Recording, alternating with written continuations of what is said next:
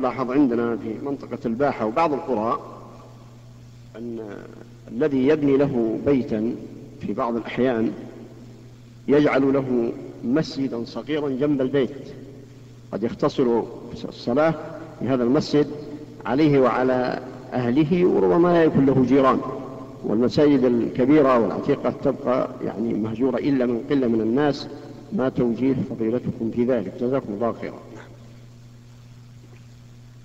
أقول بارك الله فيك لا يجوز للإنسان أن يبني مسجدا في بيت قريب من المسجد العام لأن في هذا إضرار بالمسجد العام.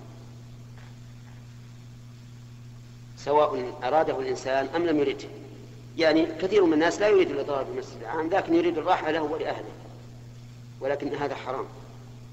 ولهذا قال أهل العلم رحمهم الله يحرم بناء مسجد بقربه وإذا بناه وجب هدمه ولذلك فنحن نحذر أولا إخواننا من بناء هذه المساجد لما فيها من تفريق المسلمين.